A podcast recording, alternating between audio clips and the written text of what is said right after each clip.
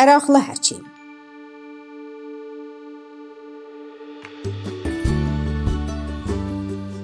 Molla qılığında yaşlı bir əraqlı həkim Təbrizin Bağmeşə qapısındakı dükanların birində məhkəmə qurub, kasıb-çusub, əlsiz ayaqsız naxoşları tədavi edərdi. O bütün xəstəliklərə, baş ağrısına, diş ağrısına, qarın sancısına və əl-ayaq ciziltisinə əzbadəst deyirdi. Həkim hər gün arta çağı əzan oxunanda əbasını çiyninə salıb çörəkxanaya gedər. Bir dənə təzə səncək, bir coduş pitə alıb dükana qayıdardı və daxmada bir dəri sofra üstə nahar yeyərdi. Deyirlər ki, o civarda bir işsiz, gücsüz, kefli təğə adda bir adam varmış. O həkimin təzə çörəyinə və coduşdakı ətinə göz dikmişdi. Amma həkim qonaqsevən adamlardan deyildi. Bir gün təqi o duvar sənin, bu duvar mənim gedərkən qar çörksündə dostu Seyid Həsənə rast gəldi və dedi: "Ay Seyid, bu çöpəyə oğlu həkim məni qonaq eləyəydi.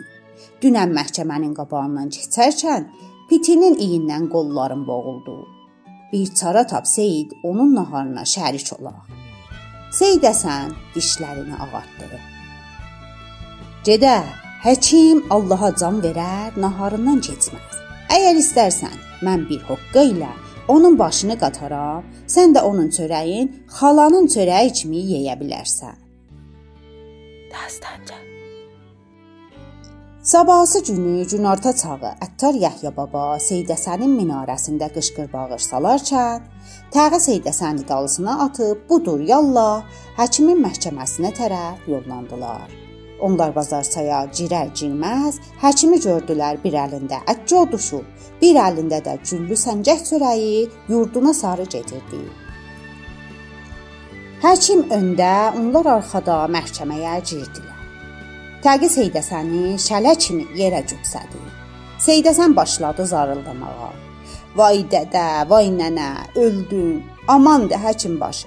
Məni balalarının başına dolandır. Vay qarnım, vay bağırsaqlarım doğrandı. Dadıma çat, ay həkim başı. Həkim müştəri gözü ilə bir xəstəyə baxdı, bir də onu gətirənə, qaşlarını atdı. Dizə çökdü və Seydəsəni uzaldıb müayinəyə başladı. Haran ağrır soruşdu. Seydəsən dedi: "Qarım, bağırsaqlarım, ürəyim, vay dədə, vay nənə."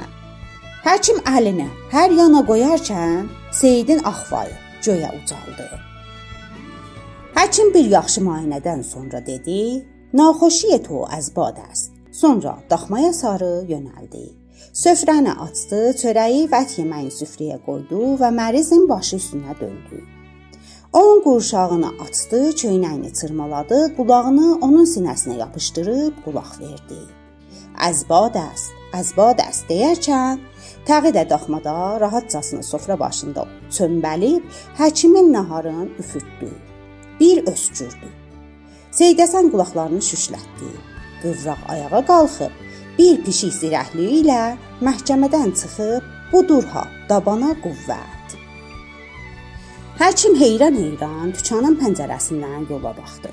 Seyid ilan çalmış kimi qaçırdı. Daxmaya girdi. Tağı ayaq üstə durmuşdu.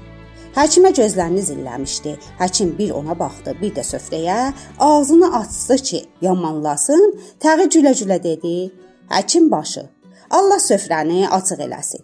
Ömrün uzun olsun." Və o zaman soyuqqanlılıqla məhkəmədən çıxıb öz yolunu tutub getdi.